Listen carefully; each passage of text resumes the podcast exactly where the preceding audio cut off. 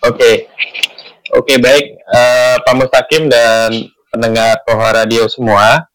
Uh, kita sekarang masuk ke pembahasan bagaimana kita dengan peradaban Barat dan bagaimana peradaban Barat menghadapi COVID-19 ini. Lalu kita nanti coba ambil hikmah bagaimana uh, dunia Islam itu bisa mengambil hikmah dari peradaban Barat ini. Yang pertama uh, kita bisa lihat sebenarnya peradaban Barat atau yang kita uh, kita sebutlah misalnya negara seperti Amerika Serikat, Australia ataupun benua Eropa, negara-negara di benua Eropa itu adalah peradaban yang sebenarnya punya uh, kekhasan sebagai negara-negara uh, yang ditemukan atau yang di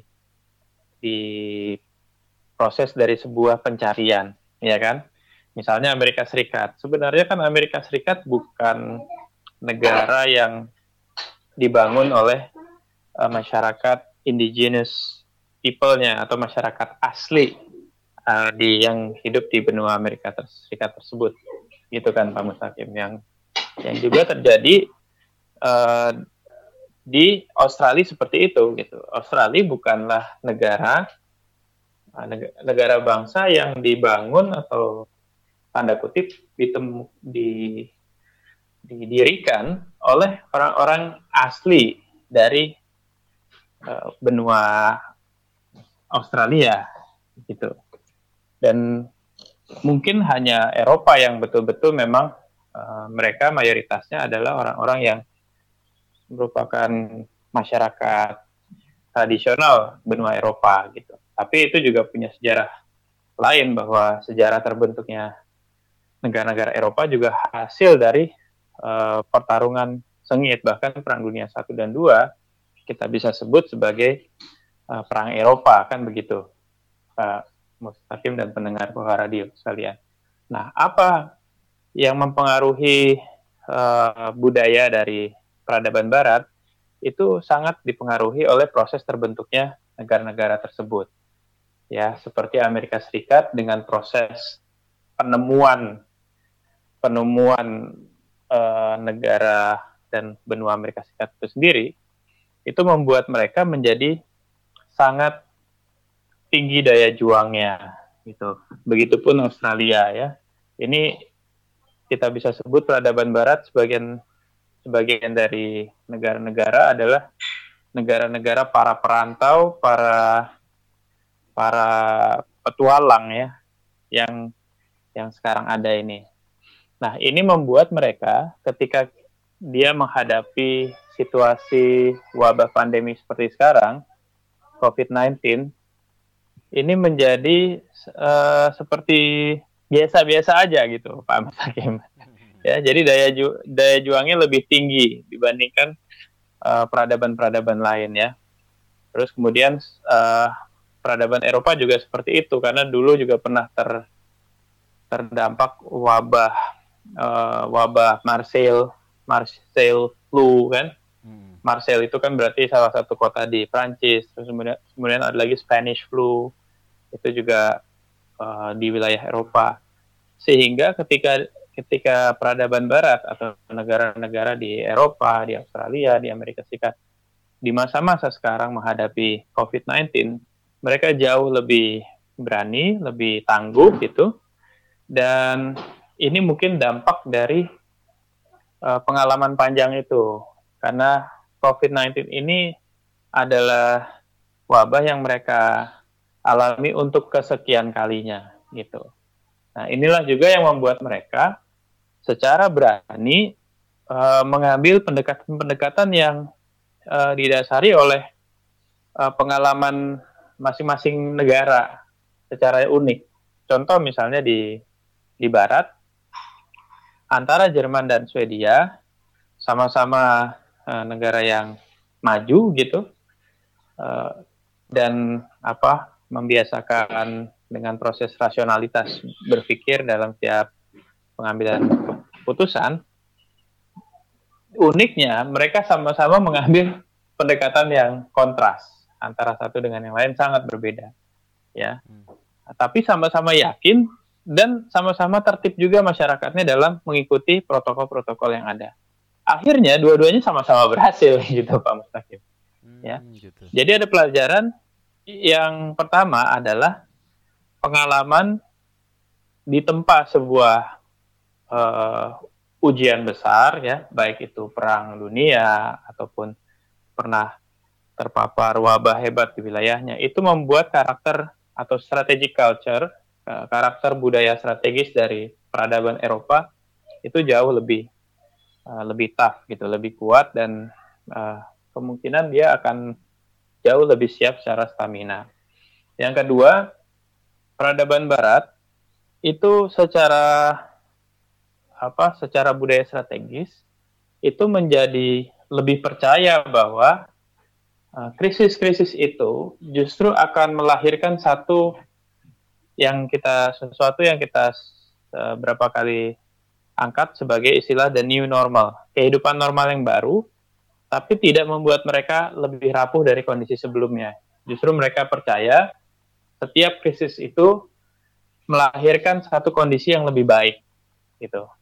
Ya, uh, pertempuran melahirkan satu tatanan yang lebih rapi. Mereka selalu uh, percaya seperti itu terus kemudian wabah itu justru melahirkan satu generasi yang lebih uh, tertata dan lebih uh, beradab dalam uh, sat, apa budaya kesehariannya. Mereka juga meyakini kali ini termasuk yang diulas oleh George Friedman, salah seorang forecasting Amerika Serikat, mereka meyakini bahwa wabah kali ini, misalnya bagi Amerika Serikat, tidak akan mengubah Eh, tata tata kelola dunia di mana Amerika Serikat sekarang menjadi pemimpin itu tidak akan berubah. Justru ini akan uh, memperkuat memperkuat posisinya. Nah, mentalitas seperti ini yang rasanya menjadi salah satu pelajaran yang menarik ya bagi bagi kita bagi dunia Islam bahwa peradaban barat yang punya ragam masalah ya dari dulu ya dari mulai Perang Dunia Satu, Perang Dunia Dua, mereka alami gitu ya. Bahkan di wilayah Asia kan tidak terjadi itu perang, perang apa tidak terlalu banyak wilayah yang tersapu. Tapi justru malah membuat mereka semakin yakin kalau ada momentum-momentum besar yang menguji, uh, itu akan mematangkan kualitas dan kelas peradaban mereka, termasuk juga dengan wabah ini. Dan itu juga yang kita lihat di uh, Australia. Australia mungkin satu negara yang menghadapi COVID-19 ini tidak dengan pendekatan yang politis sama sekali, tidak ada perdebatan antar politisi, tapi mereka hanya mengikuti protokol kesehatan yang ada. Dan ini sebenarnya uh, apa? Justru di momentum seperti ini, Australia jadi jadi mendapatkan kesempatan untuk menunjukkan kualitasnya ya, kualitas dan kapasitasnya dalam menyelesaikan permasalahan banyak yang menyebut seperti George Friedman misalnya um, bahwa COVID-19 ini uh, justru me membuka atau mengungkap uh, seberapa tangguh atau seberapa lemah uh, sistem sebuah negara. COVID-19 reveals the weakness of the system gitu. Hmm. COVID-19 moment ini sebenarnya membuka atau menyingkap tabir kelemahan banyak uh, banyak sistem dari negara-negara bangsa yang ada di sekarang. Jadi yang kita lihat justru peradaban Barat ini baik mereka yang uh, berhasil menanganinya sejak awal, ya, uh, maupun mereka yang sempat apa mengalami lonjakan kasus itu seperti Amerika Serikat ataupun uh, Italia dan Spanyol. Tapi secara umum mereka adalah uh, peradaban yang sangat yakin bisa melampaui uh, momentum atau eh, masa-masa uh, prihatin dan sulit di COVID-19 ini dengan dengan baik dan justru akan tampil lebih kuat gitu ya. Mungkin salah satu quote yang sering kita dengar uh, what doesn't kill you make you stronger gitu kira-kira. Apa yang tidak membunuhmu, pukulan yang tidak membunuhku, membunuhmu itu akan membuatmu lebih kuat. Itu kira-kira Pak Mustaqim. Yep. menarik sekali uh, quote terakhirnya itu. Ya seperti ungkapan uh, badai yang besar akan melahirkan pelayar-pelayar yang tangguh gitu lah kira-kira bang ya sama bang. Ya? Hmm. Oke bang, uh, masih ada sedikit waktu lagi. Kalau misalkan kita lanjut gimana bang? Ada bahasan atau dari bang Arya gimana? Masih ada tambahan dulu atau gimana? Hmm? Ya. Uh, akan kita oh. lanjutkan. Oh. Uh, ada hubungan kita mm -hmm. dengan Cina, the uh, Belt and Road Pandemic dan lockdown ini bang. Oh iya, ya. Nah, kalau kita tadi lihat peradaban Barat misalnya, uh, terungkap bagaimana uh, kelemahan ataupun kekuatan sistem ya dengan dari dari momen COVID-19 ini, kita juga bisa lihat bagaimana kelemahan sistem China yang dipuji dalam beberapa dekade terakhir sebagai kekuatan ekonomi yang sedang bangkit, kita justru dapat kesempatan untuk melihat kelemahannya ketika menghadapi uh, wabah ini. Yang pertama, kita melihat bagaimana China ternyata sangat tergagap-gagap menghadapi wabah ini. Karena memang ini juga bagi China satu hal yang baru gitu ya. Sempat berapa pekan gitu, sekitar tiga pekan, China menyimpan ini dengan baik gitu, menyimpan adanya wabah ini dengan baik di dalam negerinya tanpa dipublikasi keluar. Lalu kemudian baru tergagap ketika kasusnya bertambah uh, secara eksponensial gitu ya. Yang kedua, uh, China kemudian menunjukkan justru atau terlihat dengan adanya ujian atau tes. Jadi COVID-19 ini menguji bagaimana sebuah sistem pemerintahan. Terlihat sekali bagaimana uh, aslinya uh, China terkait dengan bagaimana hubungan pemerintahnya dengan masyarakatnya. Oh, ternyata ketika menghadapi situasi yang sangat mengancam seperti ini, terlihat bagaimana pola hubungan pemerintah dengan masyarakatnya di China, yaitu dengan cara represi, ya kan? Ini wabah penyakit, lalu kemudian uh, diselesaikan atau di dihadapi oleh China dengan cara yang represi kan hmm. ditutup semua wilayah terus kemudian kita lihat beberapa video yang viral di uh, di tanah air saya kira juga banyak beredar ya Betul. bagaimana orang-orang orang-orang itu di apa dikarungin gitu ya ditangkap kepalanya pakai apa namanya uh, kayak tempat ngambil buah gitu ya. Kalau ada buah di atas pohon terus kita butuh satu tangkai yang agak panjang dan di ujungnya ada uh, apa sedikit jaring gitu ditangkap sedemikian rupa. Nah ini sebenarnya membuktikan sekali lagi COVID-19 reveals the weakness of the of the system. COVID-19 moment ini kerap bisa menyibak banyak tabir uh, kelemahan sistem-sistem banyak negara seperti itu. Nah, ini yang kita lihat dari pendekatan China dan dan ternyata memang kebangkitan ekonomi China itu bukan sesuatu yang selaras dengan pertumbuhan peradabannya. Berbeda dengan peradaban barat. Peradaban barat mungkin uh, dia apa bisa menunjukkan bahwa pertumbuhan ekonominya atau tingkat kesejahteraannya itu disertai dengan tadi rasionalitas ya apa kemajuan ilmu pengetahuan terus kemudian eh, bentuk-bentuk uh, keteraturan lainnya ya terutama terkait bagaimana hubungan antara pemerintah dengan masyarakat. Di situ masyarakat punya ruang untuk memberikan kritik kepada pemimpinnya ya. Paling tidak dalam sisi itu kita bisa melihat ya. Tapi sekali lagi ini kita belum uh, membandingkannya dengan uh, peradaban lain ya. Peradaban lain seperti peradaban eh, negara-negara mayoritas Islam. Nah, ketika kita masuk ke negara mayoritas Islam, kalau mau kita refleksi, itu kondisinya sangat beragam.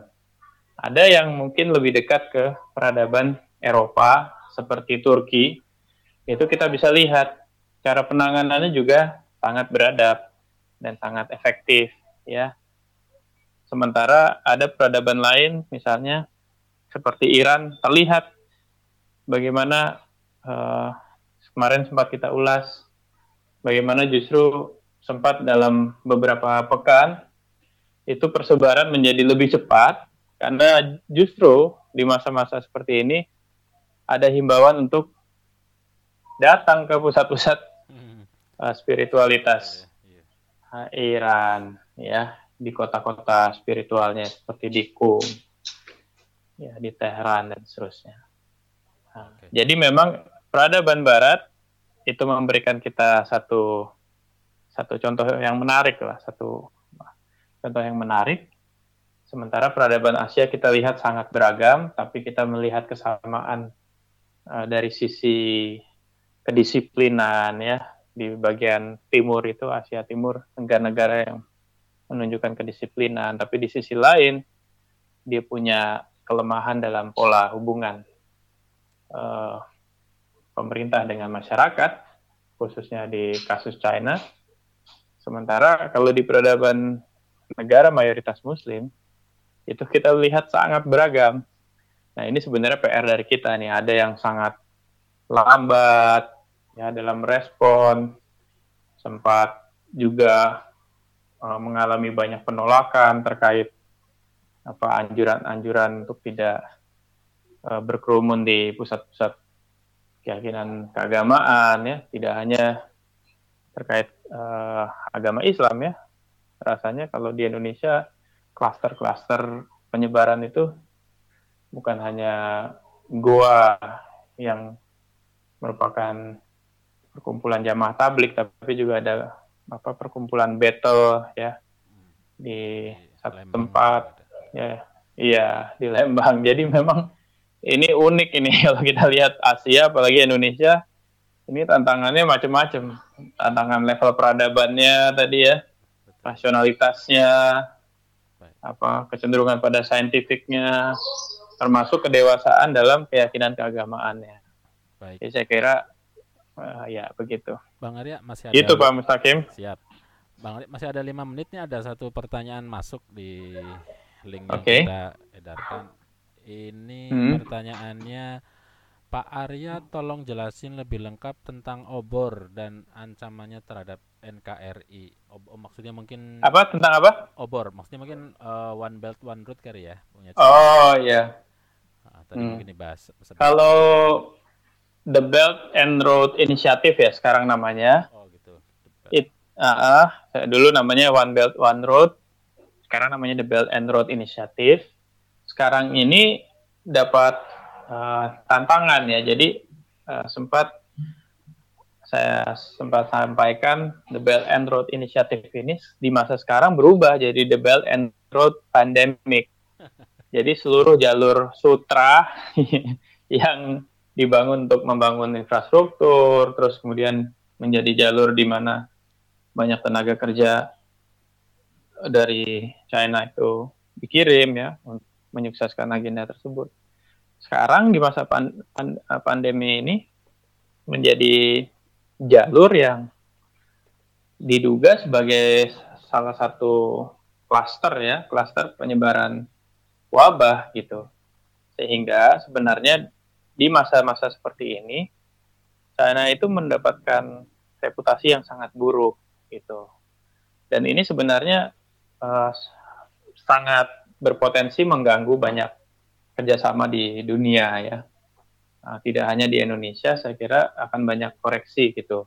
Nah, terlepas dari nanti akhirnya juga akan berlanjut, tapi koreksi itu akan semakin kuat. Karena apa? Karena COVID-19 moment ini itu secara tidak langsung membuat ide-ide tentang hubungan uh, antar negara atau hubungan internasional atau internasionalisasi, ide-ide menginternasionalisasi pengaruh sebuah negara itu sangat terbatas gitu.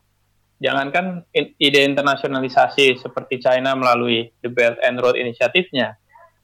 sekarang internasionalisasi perguruan tinggi saja itu sangat susah gitu maksudnya sebuah institusi pendidikan mau meraih uh, apa uh, citra atau status sebagai kampus internasional sekarang itu sangat susah. Karena segala ide internasionalisasi di masa pandemik ini menjadi menjadi seperti kehilangan harapan gitu ya. Bagaimana mungkin melanjutkan internasionalisasi kalau penerbangan komersil saja di mana-mana disekatkan seperti itu meskipun ya masih ada yang terbuka ya. Terus seluruh uh, dunia sekarang sangat berhati-hati dengan uh, orang asal China itu saya kira itu nanti akan sangat berpengaruh bagi perkembangan agenda-agenda internasionalisasi China berikutnya gitu. Jadi mungkin di masa sebelum pandemi ini mereka sangat kuat, China sangat kuat. Tapi adanya uh, wabah ini membuat agenda tersebut bisa tersendat atau bisa tertunda lah tidaknya. Tuh.